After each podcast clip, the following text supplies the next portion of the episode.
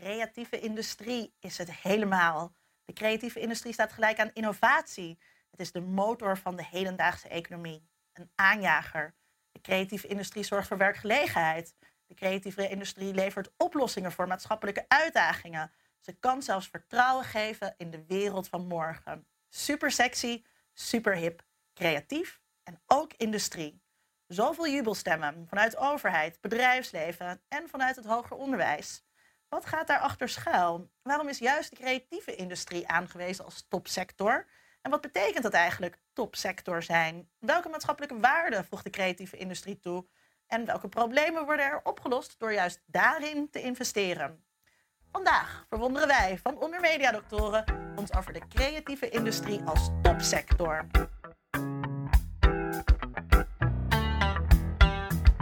Dit programma wordt mede mogelijk gemaakt door Amsterdam University Press.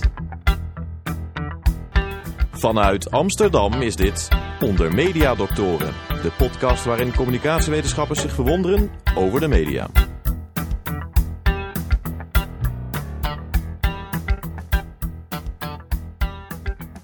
Dat doen wij met Dr. Koos Zwaan, associate lector bij de Hogeschool in Holland en gespecialiseerd in innovatie, productie en receptie van popmuziek en nieuwe media. Aan tafel ook mijn vaste mede-mediadokter, Dr. Vincent Kronen, Hoi. mediamaker en onderwijsinnovator. Kijk.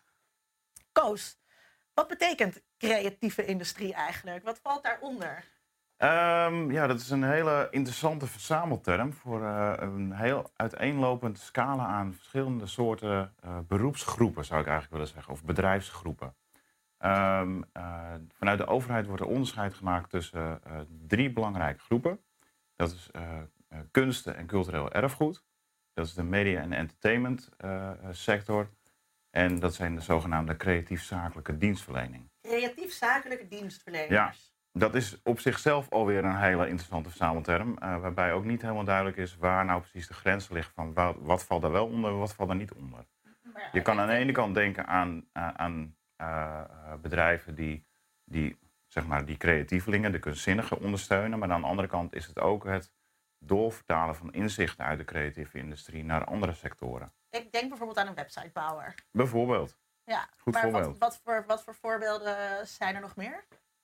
Ehm, nou, je kunt ook denken aan eh, ehm, een reclamemaker die ineens besluit om een bedrijf op te zetten waarmee die bedrijven gaat helpen. Om te komen tot nieuwe inzichten over hoe ze, hoe ze een bedrijf moeten inrichten. Ja, maar ook bijvoorbeeld eh, een designer van een eh tosti-apparaat. Ja. Ook dat. Dat ja, kan- dan gaat het over, over productdesign en dan gaat het over het toepassen van eh, bepaalde kennis over esthetiek op eh, dagelijkse gebruiksvoorwerpen. En de media-industrie wordt als aparte tak gezien. Ja. En waar ligt dan de grens tussen wat, er, wat, wat een medium is, of tenminste wat je als mediamaker is, en bijvoorbeeld grafisch vormgever? Is dat ook een medium? Ja, ja, klopt. Nou, daarbij wordt eigenlijk een vrij traditionele eh, onderscheid eh, gehanteerd. Radio, televisie. Eh, als je het iets breder wilt trekken, dan valt dan misschien de muziekindustrie ook nog wel onder. En filmindustrie, evenementen. Maar vrij, vrij traditioneel gewoon gericht op de, op de zendmedia. En eh, Koos, jij promoveerde op een proefschrift over popmuzikanten en hun carrière. Eh, maar waarom sluit dat dan nou zo goed aan, juist bij onderzoek naar de creatieve industrie? Ehm, nou, het blijkt dat eh, de creatieve sector als geheel, eh, maar juist ook de muziekindustrie, een, een soort voorloperfunctie heeft als het gaat om maatschappelijke ontwikkelingen. Het verdienmodel bijvoorbeeld in de muziekindustrie eh, kwam onder druk te staan omdat er opeens werd gedownload. Eh, je kon gratis muziek van het internet halen. En eh, dat was eigenlijk een, een, een eerste industrie die werd aangetast, zou je kunnen zeggen, of, of ja, onder invloed kwam van die verdergaande digitalisering. En wat daar gebeurde is ook een voorbeeld geweest voor andere industrieën. Daarna kwam bijvoorbeeld de, de boekuitgeverij ook onder druk te staan. Omdat ineens boeken ook via internet gelezen of verhandeld of verspreid konden worden. En als je nou denkt over de muziekindustrie, eh, waar ik in mijn onderzoek achter kwam, is dat eh, juist die carrièrevormen of de carrièrepaden die eh, muzikanten doorlopen, dat die heel erg eh, ehm, een soort voorloperfunctie hebben op de veranderingen, de, de vormen van werk in de maatschappij. Je kunt nadenken over de netwerkeconomie en mensen die veel meer in een los vast dienstverband zitten. iets wat voor een muzikant al veel langer normaal, de normaalste zaak van de wereld is. Mhm. Dus eh, eh, ik denk dan eigenlijk aan het werk van eh, David Hesmond Roach, die heel veel onderzoek heeft gedaan naar hoe, de, hoe de productie tot stand komt in de, in de muziekindustrie. En dat is dus dan ook toepasbaar op de, wat dan de creatieve industrie heet. Veel wel, ja, klopt. Het is grappig dat je Hesmond Roach opnoemt. Hij heeft ooit ook gepubliceerd over de zogenaamde cultural industries. In Nederland gebruiken we veel de term creatieve industrie, maar binnen het, het, het Engelse eh, taalgebruik wordt vaker gesproken van de cultural industries. En daar zie je ook al wel een klein beetje een onderscheid tussen die, tussen die eh, focus op waar, waar nou precies wel of niet naar gekeken wordt en wat er wel of niet onder valt. Want die cultural industries, wat de cultural industries, wat zijn dat dan? Ja, eigenlijk is het hetzelfde. Oké. Maar binnen elk land ligt de focus weer net iets anders. En dat komt ook eh, doordat er gekeken wordt naar wel, wat is er in bijvoorbeeld het Verenigd Koninkrijk meer aanwezig of wat is er in Nederland meer aanwezig. Dus het heet anders bij ons, omdat het dan meer inclusiever is naar waar wij goed in zijn. Ja, En waar zijn wij dan beter in dan bijvoorbeeld Engeland? Ehm, waar Nederland eh, vrij goed in is internationaal is architectuur, eh, mode, eh, design. maar ook als je denkt aan bijvoorbeeld een, be- een bedrijf als Endemol, televisieproducties, het neerzetten van nieuwe televisieformats. Dat zijn goede voorbeelden van waarbij Nederlandse creatieve bedrijven goed scoren in het buitenland. Oké. Vincent, hoe zie jij die connectie tussen media en communicatiewetenschappen in deze sector? Nou, in de media- en communicatiewetenschap is er altijd heel veel aandacht geweest. En eigenlijk steeds meer naar, eh, naar maakprocessen, naar industrieën. Waarin we in de jaren 70, 80 was het nog wel eens van... Goh, alles wat er gemaakt wordt dient het grootkapitaal. Dus daar hoeven we niet meer over na te denken. Zie je dat vanaf de jaren 80 echt iets is ontstaan als industry studies. Media industry studies. En dat is begonnen ergens in Californië. Waarin natuurlijk eh, Hollywood was, maar ook de grote televisiepunten. waarin mensen eigenlijk meer op een soort microniveau zagen gaan kijken... hoe werkt dat nou eigenlijk? Beetje in lijn met jouw proefschrift ook van... hoe komt een, een, een schrijver of een filmmaker eigenlijk eh, tot zijn werk? En, en wat zijn de onderlinge processen daarin? Dus een belangrijke stap die er is gezegd... is dat het niet een, zomaar een gegeven was... maar dat er eigenlijk hele interessante processen aan ten grondslag liggen. En wat je ziet, je ziet twee processen in de media- en cultuurindustrie... is dat daar veel interesse voor is. Aan de andere kant is het natuurlijk ook altijd heel fijn om onderzoek te doen... naar dingen waar geld in omgaat. Want eh, zoals communicatiewetenschappers of mediawetenschappers... die willen natuurlijk ook wel met partijen samenwerken... die misschien geld beschikbaar stellen... om te kijken van hoe dingen nog beter kunnen. Of om succes te meten. En geld geeft natuurlijk ook een bepaalde legitimatie. Ik moet dan denken aan eh, eh, het onderzoek van, eh, hoe heet hij ook weer, David uh, Nieborg. Die met games bezig is en heel erg kijkt naar hoe die games geproduceerd worden. Uh, en dan heb je ook meer kans dat je daar financiering voor vindt. Ja, je ziet, games is een heel mooi voorbeeld daarvan. Dat Nederland bleek ineens goed te zijn in gamesontwikkeling. En dan zie je dat de wetenschap daar altijd een beetje in volgt. Dus op het moment dat er een industrie begint te ontstaan, dan zijn er mensen, en zeker ook de Nederlandse overheid, die zegt van goh, dat willen we bestendigen. Dus gaan we daar ook onderzoek naar doen over hoe die processen lopen. Wat maakt iemand succesvol? Is het zinnig om subsidie te gaan verstrekken of niet? Wat is eigenlijk het netwerk waarin mensen bewegen? Uh, dus het is aan de ene kant is een oprechte geïnteresseerde academische vraag. Maar zoals het wel tijd gaat in de wetenschap, het helpt heel erg als daar ook financiering voor komt. Ik heb toch het idee, Vincent, dat het een beetje een modeverhaal is. Hè? Als ik lees over de creatieve industrie, dan krijg ik dat plaatje voorgeschoteld. Allemaal van dat soort termen als innovatievermogen, verbeeldingskracht, transities, fluïde, skillset, kenniscontract en een zin als de samenleving is het speelveld van de creatieve professional. Waarom is dat? Nou, ik, toen ik ging nadenken over dit onderwerp uh, vandaag, zat ik te denken. Er is, als je gaat kijken naar alleen al de opleidingen, wat je allemaal wel niet kan gaan doen als 18-jarige, waarin je de belofte wordt gemaakt dat je later in de creatieve industrie werkt. Midden in het speelveld. Uh, Misschien dat papa en mama ook nog wel willen dat je ook een baan krijgt die goed precies. betaalt. Dus vanaf MBO tot aan PhD-programma's kan je allemaal dingen doen waarin je. Het gaat echt om duizenden studenten die een bepaald vak leren, waarin ze de belofte hebben dat ze daar iets aan gaan doen. Dus er is een enorme aanbod aan de ene kant. Er is natuurlijk ook wel degelijk een vraag waarin dat gebeurt. Ja, dan wil je dat als overheid natuurlijk ook gaan faciliteren.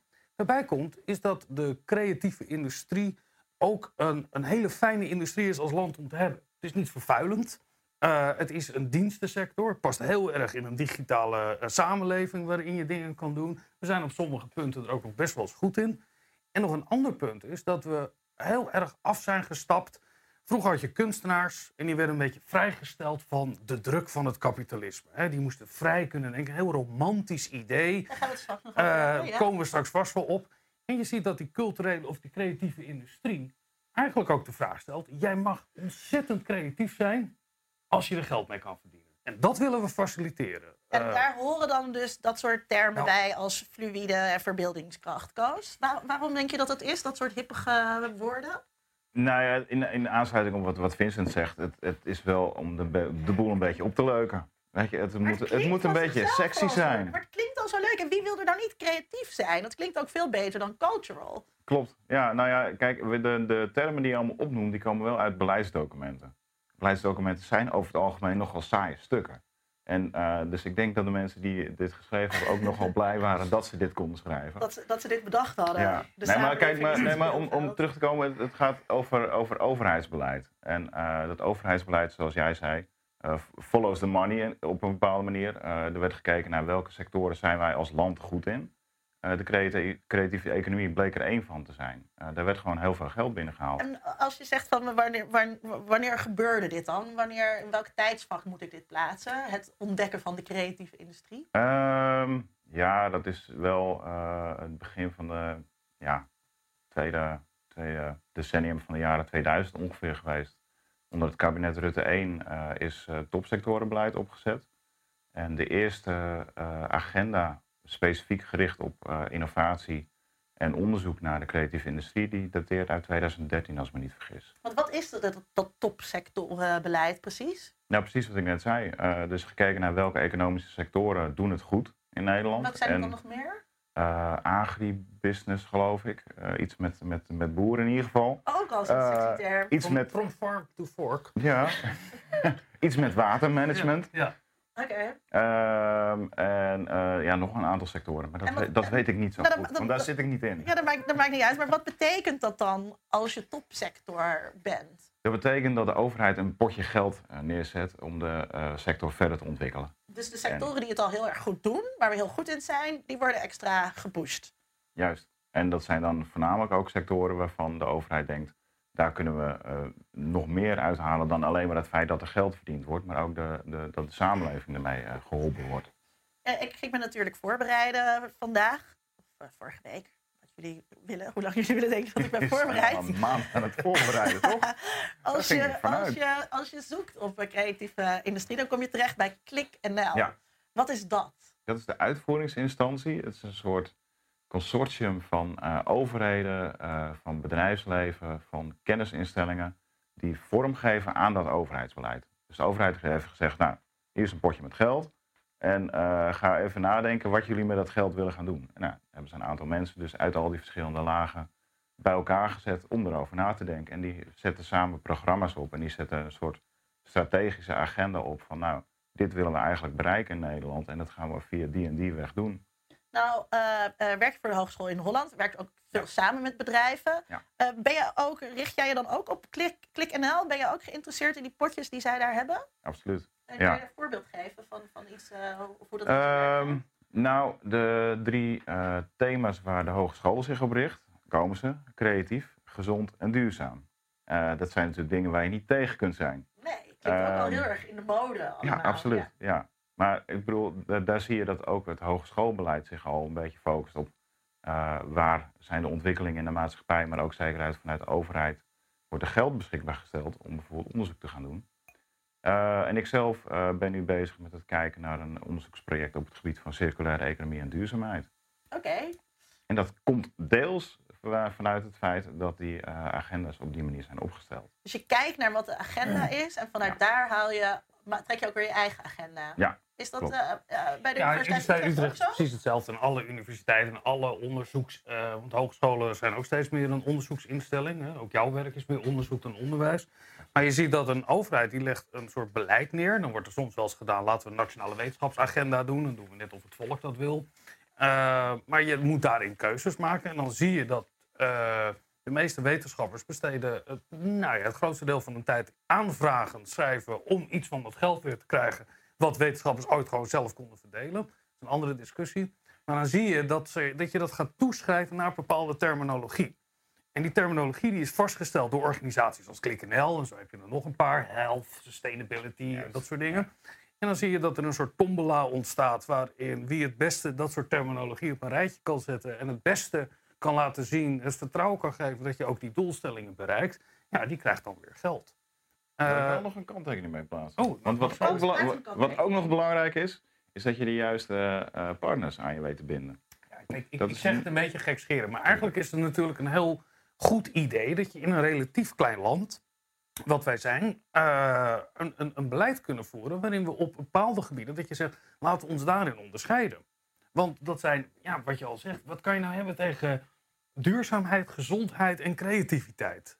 Eh, maar ja, je had ook kunnen zeggen, laten we ons eh, meer richten op onze vermogens om eh, betere militaire middelen te gaan ontwikkelen. Wat in andere landen eh, een, een, een, misschien wel een topsectorenbeleid nou, is. dat is ook wel een topsector, hoor, wapenhandel. Ja, maar misschien net weer iets anders, omdat we... Oh, een vizier, maar... Nee, ik nou, wil, zet ik wel even terug naar wat Koos Ja. zei. Want Koos zegt, eh, het is heel belangrijk dat je partnerschappen aangaat. En, Ja. en als ik denk aan eh, de kabinet Rutte...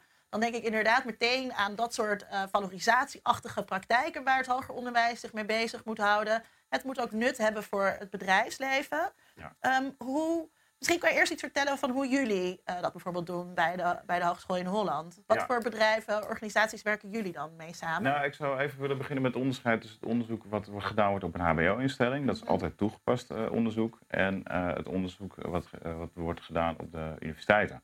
Eh, en dat is meestal in de regel fundamenteel onderzoek. En dat, onderz- dat onderscheid is wel vrij belangrijk, ook voor het, het soort partners dat je aan je kunt binden. Mhm. Eh, dus een universiteit is een kennisfabriek. Gaat vooral om het voortbrengen van theorie. Eh, en bij de HBO gaat het meer om het toepassen van die theorie in de praktijk. Mhm. Daarom is het voor, voor- juist voor mij als HBO-onderzoeker heel belangrijk om, te, om de juiste werkveldpartners te vinden. Waarmee ik soms theorie kan gaan toetsen aan de praktijk. Of Aha. vanuit theorie kan gaan kijken naar nieuwe, naar nieuwe ontwikkelingen. eh, nieuw te ontwikkelen producten of diensten bijvoorbeeld. Waar, eh, dus, eh, kan je een voorbeeld geven van onderzoek wat jullie hebben gedaan met, met bestaande Ehm, partners? ja, er is een eh, onderzoeksproject geweest waarbij we gekeken hebben samen met eh, poppodia en schouwburgen eh, naar eh, hoe zij zichzelf eh, eh, ja, eigenlijk marketen. En eh, ook voornamelijk op de social media, waar zij op dat moment nog heel erg zoekende waren van hoe pos- positioneer ik eh, mezelf. Ik kan wel een heel concreet voorbeeld geven. Dat in de University of Applied Sciences Ja. heet het dan. Ja. Eh, een van de grote onderwerpen waar we nu voor staan is de dataficatie van de samenleving. Dat geldt ook voor media. Je ziet dat er op HBO zijn er nu onderzoeksprojecten. Hoe kunnen we nou goed apps ontwikkelen? Wat willen mensen nou eigenlijk met zo'n app? Hoe kunnen we dat Ja. op een handige manier in elkaar zetten? Eh, daar zit het bedrijfsleven ook in en die ondersteunt dat.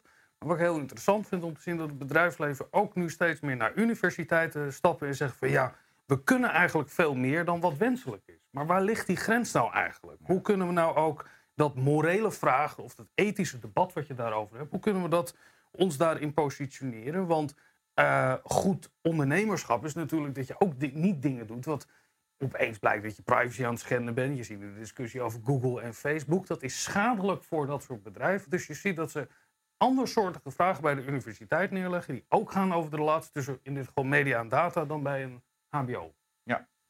Nou, heeft Koos net heel goed uitgelegd eh, wat het verschil is tussen meer toegepast gericht en meer theoriegericht. Ehm, is het niet heel ehm, problematisch om universiteiten deels afhankelijk te maken van dit soort modegrillen, van dit soort samenwerkingen, waarbij de onderzoeksvragen eigenlijk voortkomen uit het bedrijfsleven en niet eh, eh, vanuit een fundamentele, eh, eh, eh, meer theorievormingsgerichte vraag? Ik, ik denk, dat als het zo zou zijn, en je hoort mij al heel voorzichtig formuleren, dat de industrie eigenlijk gewoon volledig dicteert wat de vragen zijn in- binnen een universiteit, dan zou ik het met je eens zijn. Eh, en er zijn velden binnen de wetenschap waar je kan afvragen van, goh, waar ligt nou precies die grens? Ik denk daarbij aan farmacie bijvoorbeeld, of je kan je afvragen bij geowetenschappen, die toch wel heel erg eh, dicht tegen de olieindustrie aanzitten. Maar als ik, wat in mijn ervaring, en ik ken verschillende faculteiten, je ziet het ook bij rechten bijvoorbeeld, waar advocatenbureaus zeggen: nee, de student moet minimaal dit en dit en dit en dit gedaan hebben, anders mogen ze niet eens stage lopen. Mhm. Dat daar bij de universiteiten nog steeds een groot zelfvertrouwen is om ook tegen het bedrijfsleven te zeggen: dat doen we niet. En dat komt door een groot gedeelte dat maar relatief een klein gedeelte daarvan gefinancierd wordt door, de, door het bedrijfsleven. En wat op universiteiten, zoals op HBO's ook zijn, wordt een onderscheid gemaakt tussen eerste, tweede en derde geldstroom. De eerste geldstroom is wat gewoon direct van de overheid komt. De tweede geldstroom komt ook direct van de overheid, maar moet iedereen uit het potje uh, zien te graaien uh, op zo goed mogelijke manier. En dan heb je een derde geldstroom wat Europees is of van bedrijven. Maar dat speelt eigenlijk nog bij heel veel vakgebieden een relatief kleine rol. Je zei net dat er uh, heel veel van die beursaanvragen eigenlijk naar dit soort jargon of naar dit soort taalgebruik toegeschreven wordt, zodat het binnen zo'n topsector valt en je meer kans hebt. Nou, wat, wat je ziet is dat het uh, de vraag is dat iets maatschappelijk relevant is. Hè? Dat het societal impact moet hebben. En een van de dingen waarin je kan laten zien dat het maatschappelijk uh, resoneert, hè, is dat je samenwerkt met belangrijke organisaties binnen de samenleving. En bedrijven zijn nou eenmaal hele belangrijke organisaties binnen een samenleving. Dus het is meer in die volgorde. Nou, heb je ik, zou, ik zou ook wel, nog een kanttekening willen plaatsen. Want, maar, nog, wat, een kanttekening. nog een kanttekening voor Koos. Um, nee, weet je... Wat de je kanttekening Koos, ja. Dat lijkt mij een terugkerend... Uh, een nieuw item, ja, leuk. Nee, wat je natuurlijk uh, vaak ziet is dat de wetenschap ook reflecteert op wat er gebeurt in de maatschappij. Um, met het, het, het, live gaan van, van een, een platform als YouTube uh, bracht de eerste YouTube-onderzoekers voort.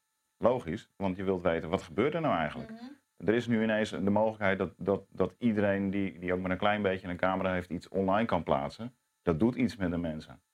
Uh, en op die zoals manier. Zoals, zoals jullie, inderdaad. Wacht, de, de redactieleden vanuit de studio uh, even in. maar dat is dus meer dan alleen maar van waar, waar ligt het geld. Um, en het is gewoon wel handig dat als je een, een, een subsidie aanvraagt, dat het gaat over, een, uh, over een, een, onderwerp dat relevant is en dat, dat tijdig is. Ik vind het een mooie kanttekening. Hier liggen ook gewoon interessante onderzoeksvragen. Is wat je Zeker. Zegt. Dan kunnen we ons ook afvragen wat er niet onder creatieve uh, industrie valt. Um, je had het net wel over uh, kunst. Ja. Maar bij kunst denk ik toch aan het tegenovergestelde van industrie. Wat is, wat is eigenlijk het verschil tussen een creatief en een kunstenaar? En horen kunstenaars er ook bij? Kunstenaars horen absoluut uh, in de creatieve industrie. Ja, dat is inderdaad gewoon die eerste categorie. De kunsten en cultureel erfgoed. En die wordt zelfs gezien als een soort van super creative core, om even in de termen van uh, Richard Florida te blijven. Yeah. Uh, dat zijn degenen die, die daadwerkelijk iets scheppen. En die door esthetieke waarden uh, iets toevoegen. Um, het verschil tussen, tussen die kunstenaar en de creatieveling, ik zou zeggen de creatieveling, dat ligt iets breder. En dan zit je al eerder op het gebied van die media-entertainment industrie of die creatief-zakelijke dienstverlening. Ik kan me ook voorstellen dat menig kunstenaar een, ook gewoon nog een dayjob heeft en uh, daarin aan de slag is als meer creatief. Die kunstenaars die hebben het altijd al moeilijk gehad met rondkomen. En onze redacteur Tom maakte hier een mooi historisch item over.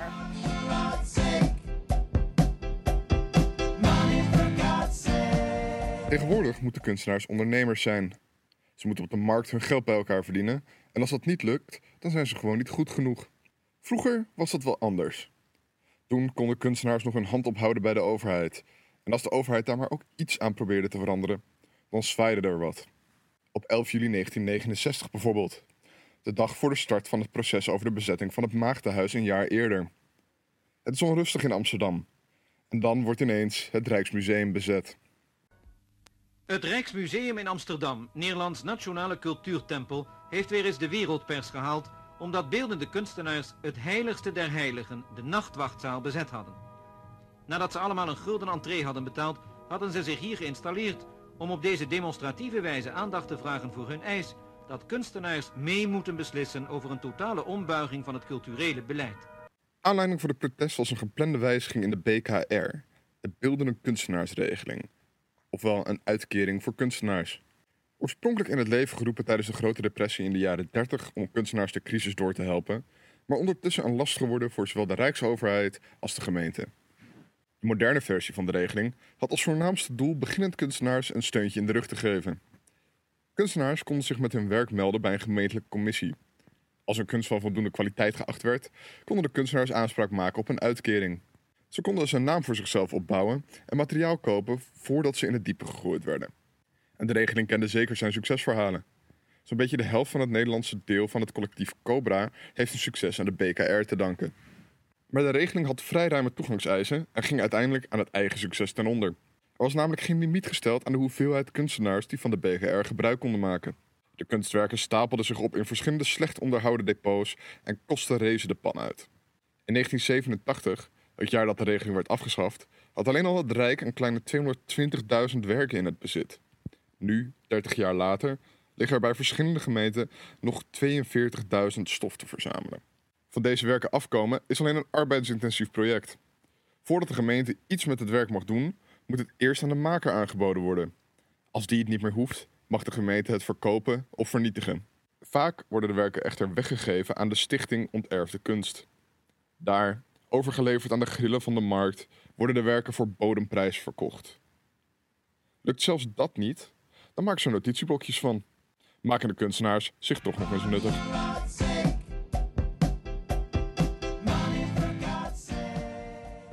BKR-regeling? Ik was bekend eh, met de BKR-regeling. Die heeft zelfs ook nog een tijdje eh, eh, muzikanten aangetrokken. Oh, die konden Ja, dan ook een die liedje inleveren. Ja, ja, ja, die konden ook gebruik maken van een BKR-regeling. Ja. Oké, en eh, het, het, nieuw- hoe ziet het nieuwe systeem er, er dan uit? Wat, eh, wat, wat voor faciliteiten of wat voor voorzieningen kunnen kunstenaars nu aanspraak maken, nu creatieve industrie een topsector is? Vind ik een hele goede vraag. Dan in moet je, nog, de wet inkomen kunstenaars. Dat is, volgens dat mij is ik dat weer Ja. Nee, ik weet dat de, de BKR, wat, wat Tom heel mooi heeft gemaakt in het filmpje, Mhm. wat, je, wat je heel mooi ziet, is dat je dus, eh, continu een, een spanning ziet met aan de ene kant dat de overheid wel initiatieven neemt om dingen mogelijk Ja. te maken, maar je moet dat dan weer kunnen controleren. Maar dat staat dan weer op gespannen voet en dan komen er altijd soort jaren dertig ideeën van cultuurkamers komen dan heel snel naar boven dat de overheid beslist over wat er moet bestaan in de kunsten. En dat zie je continu een soort cirkel. eh, eh, Nou ja, je wat, je, wat je wel ziet is dat er natuurlijk wel eh, fondsen zijn eh, ontwikkeld waarbij allerlei experts, eh, en wat je ook inderdaad uit het item eh, zag, in het filmpje, eh, waarbij de kunstenaars zelf ook inspraak hebben. Dat kan ook wel weer wat vriendjespolitiek in de hand eh, werken. Eh, maar het, zijn, het is wel een soort van gedelegeerde functie, waarbij niet de overheid zelf eh, eh, daarvoor verantwoordelijk is. Nou, is één manier waarop kunstenaars en creatieven gefaciliteerd worden eh, hier in Amsterdam met het broedplaatsenbeleid. Eh, eh, waar, waar je ja, een bepaalde plek in de stad waar mensen creatief kunnen zijn, kan je wel creatief zijn op een aangewezen plek. Kijk, het interessante is natuurlijk dat je eh, hebt gezien in eh, de jaren negentig in Berlijn bijvoorbeeld. Hè, als je maar genoeg werkloze mensen hebt die eh, veel capaciteiten hebben en je hebt ook nog onroerend goed, dan ontstaan er hele interessante dingen. Je bedoelt leegstaande industriële gebouwen. Precies. Ehm, in, in, in Amsterdam kwam er een tegenbeweging tegen de, eigenlijk het opschonen van de binnenstad. En toen waren er wat ambtenaren die volgens mij een heel mooi initiatief hadden. Vond, goh, laten we eens wat plekken in de stad, wat dan rafelronden werden genoemd. Laten we die eens de ruimte geven om daar nog mensen een plek te, te geven. Dat is een heel mooi idee, natuurlijk. Aan de andere kant zie je, is dat je wat dan gentrificatie heet, dat die kunstenaars die daar zitten, die zitten er niet alleen maar omdat we allemaal zitten te hopen dat daar een prachtig kunstwerk uitkomt. Want dat verlevendigt de buurt ook. Niets leukers in een buurt dan als er jonge mensen op een creatieve manier bezig zijn. En dan worden opeens die oude pandjes, die worden dan wel opgeknapt. Dan gaan mensen erin investeren. En na een aanverloop van tijd wordt dat veel te grote pand waar ze in zitten, worden de kunstenaars eruit gebonjourd. Dat worden dan hele mooie dure appartementen. En dan ga je weer een stukje verderop, ga je dat soort plekken hebben. Dus het is naast dat het misschien een heel mooi doel is dat je de stad levendig houdt en dat er meer variëteit in is, heeft het, heeft het als bijeffect dat natuurlijk buurten die weer heel erg leefbaar worden, duur worden, dus geen plek meer zijn voor broedplaatsen, want dat wordt te duur en dan gaan er weer groepen verder. Maar daarmee gebruikt de gemeente eigenlijk die kunstenaars als een soort van verhippingsmachines. eh, als de drijvende kracht achter gentrificatie. Het is een drijvende kracht achter gentrificatie. Eh, of Waar ze niet voor betaald worden. Want die kunstenaars die huren goedkoop een ruimte, maar zijn niet bij hun in het bezit. En op het moment dat de buurt opknapt Zeker. en de kunstenaar moet weg, dan heeft de kunstenaar er niks aan overgehouden. Nou, je ziet dat heel veel krakersinitiatieven die ooit in de jaren 70, 80 zijn ontstaan, die hebben een heel positief effect gehad op de, op, op de leefbaarheid van de stad. Hè. Er zijn allemaal eh, kunstenaarsplekken nu, of, of eh, galeries of theaters, die allemaal uit die kraakbeweging zijn ontstaan. Het is natuurlijk vrij ondankbaar dan op een gegeven moment dat de wet daarvoor af te schaffen en dit ervoor in de Nou, maar, plaats te zetten. Maar uit die, krakers hebben op een gegeven moment eh, toch best wel vaak panden kunnen kopen. Zeker, die eerste generatie is heel rijk geworden met kraken. Dat zit er Eh, nu niet meer in voor de creatieven. Nee, dat ik, zeker niet. Ik weet bijvoorbeeld in het Volkshotel hebben ze ook een bepaalde doelstelling dat er met het samenwerken van mensen die daar zitten, die moeten ook kunnen laten zien, er is ook een soort ballotagecommissie voor, dat het meer heeft opgeleverd dan alleen maar een goedkope werkplek. Dus je moet laten zien wat voor samenwerkingsverbanden daar zijn ontstaan. Dat is dus wat de stad terugvraagt van jou om je een goedkope werkplek te geven. Dat sluit trouwens ook wel mooi aan bij jouw vraag eerder. Eh, dat je zei van wat voor eh, instrumenten zijn daarvoor in de plaats gekomen. Nou, de exacte regelingen ken ik niet zo goed. Mhm, ik, ben namelijk, zoveel ik ben namelijk geen kunstenaar. Nou, geen ambtenaar. Zo is dat. Maar wat je wel ziet is dat er heel vaak zo'n soort voorwaarde gesteld wordt aan het geven van geld. Eh, dat je wel moet laten zien van wat levert het nou eigenlijk op. Iets En- meer dan alleen dat je een Juist. kunstwerk moet inleveren. Inderdaad. En is dat, zijn die voorwaarden terecht? Eh, dat hangt een beetje af van wat je er zelf van vindt. Ik vind ze wel terecht. Want anders krijg je dus inderdaad wel situaties zoals je in het filmpje zag. Eh warenhuizen vol met eh, kunstwerken waar niemand naar kijkt. Ja. Nou, daar zijn ze ook niet voor gemaakt. Ja, want denk toch niet dat in de jaren 70 je het woord industrie had mogen gebruiken. Los daarvan dat het natuurlijk allemaal zeer Adorno aangehoogde eh, types waren die sowieso niet in een industrie wilden werken, maar juist daar vrijgesteld worden. Het mooie van het, maar misschien ook wel het bittere van de term creative industries, is dat je ook laat zien, jongens, dit is een dienst of een product waar een, een klant bij hoort en waar een soort winstbeginsel achter schuil gaat, waarin een circulatie van geld is. Dat is het uiteindelijke doel. Maar De- gaat creatief en industrie, gaan dat wel samen, die twee termen? Ik denk dat in Is dat het niet tegengesteld? Ik, ik denk met de, de, de, de liberalisering op heel veel vlakken, oftewel dat je het zelf moet doen, eh, zie je dat je best in een beginperiode als kunstenaar, als beginnend kunstenaar, eh, moet kunnen bewijzen wat je kan. Maar als je het op een gegeven moment niet redt, hebben we niet meer als samenleving een soort solidair gevoel van Koos is kunstenaar, hij maakt mooie schilderijen. eh, of tenminste, hij maakt schilderijen, niemand wil ze hebben, maar jij hebt het recht om kunstenaar te zijn dat idee, dat ideaal, wat een heel romantisch idee is, van wij kunnen niet oordelen, de- of mijn generatie kan niet oordelen over wat jij maakt, want misschien is de generatie hierna wel die de waarde ervan inziet. En een overheid die ingrijpt op iemands kunstenaarschap, ja, dat, dat is fascisme. Ja. Dat is heel vaak het argument geweest daarbij. Laten we even praten over die ver- verdienmodellen. Eh, eh, Kleine stap van het fascisme naar verdienmodellen. ja. Ehm, Koos, jij geeft les bij de opleiding International Business Innovation. Kan je iets meer vertellen van wat jullie daar doen? Ja, sowieso gaan we de naam binnenkort veranderen in business innovatie, want het eh bekt wat makkelijker. Dat Ehm, international, dat valt gewoon Jullie helemaal worden weg. lokaal. Het, het blijft een internationale opleiding, want we hebben voor de helft internationale studenten van over de hele wereld. Een heel leuke groep studenten om mee te werken. Ehm, eigenlijk is die opleiding die is neergezet omdat er vanuit het bedrijfsleven een soort vraag ontstond eh, van mensen die en in staat waren om eh, meer ja, de design-creatieve disciplines toe te passen, maar die ook het bedrijfsleven snapten. Dus die eigenlijk die beide talen eh, begrepen en van daaruit eh, innovatiemanagers zouden kunnen worden.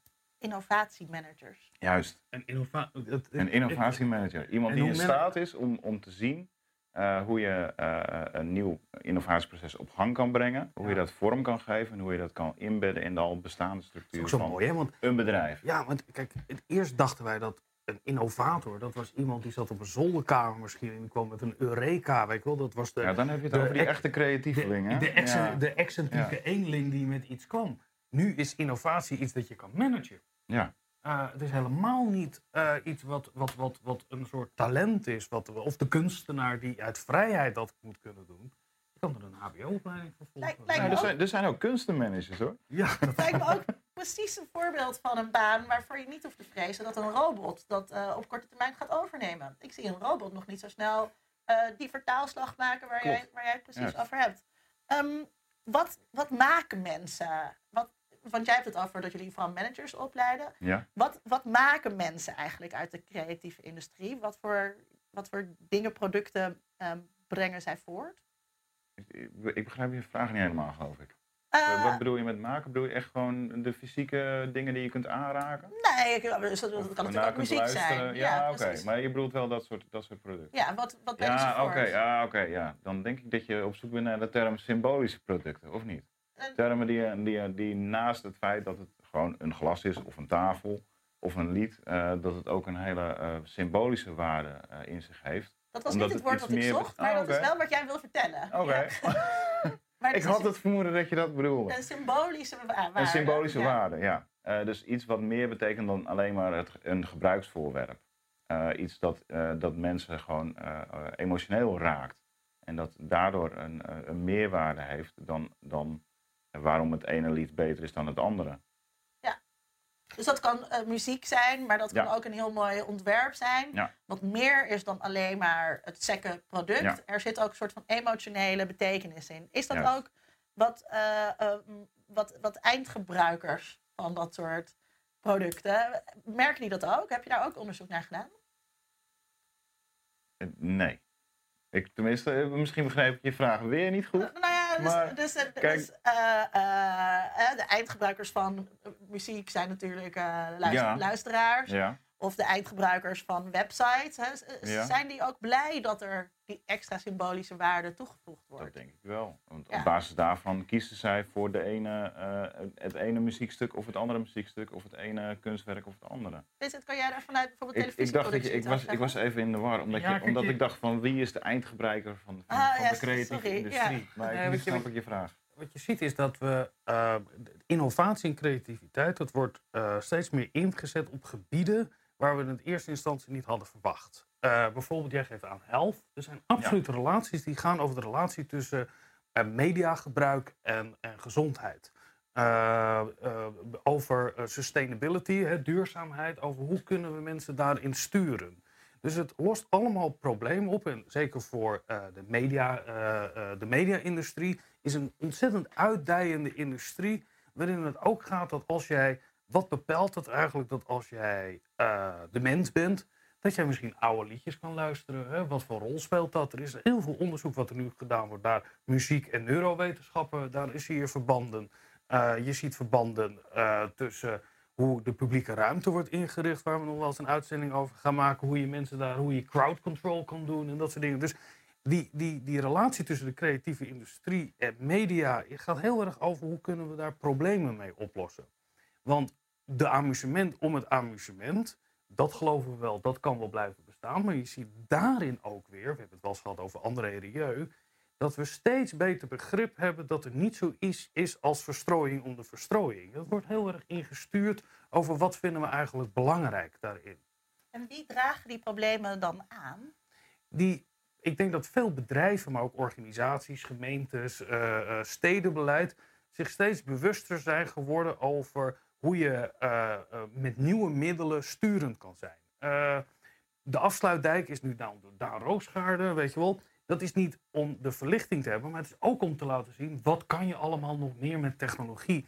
Kijk ons als land een voorloper zijn. Eindhoven, hè, dat is natuurlijk een oude gloeilampenindustrie. Maar ze richt zich nu heel erg over dat industrial design, over waar het altijd gaat over hoe kunnen we vanuit design bepaalde oplossingen hebben. Dat wat 15 jaar geleden heel erg ging over recycling, hè, hoe kunnen we dat op een goede manier doen, zie je dat het nu al veel verder gaat. Dus- dat zijn volgens mij toch vaak juist nieuwe bedrijven, Koos. Dan denk ik aan start-ups die eh, eh, voor problemen waarvan veel mensen niet wisten dat het een probleem was, Mhm. een oplossing verzinnen. Klopt dat? Eh, nou, niet alleen. Het zijn vaak die start-ups die inderdaad in, eh, die wat makkelijker in die nieuwe kansen springen.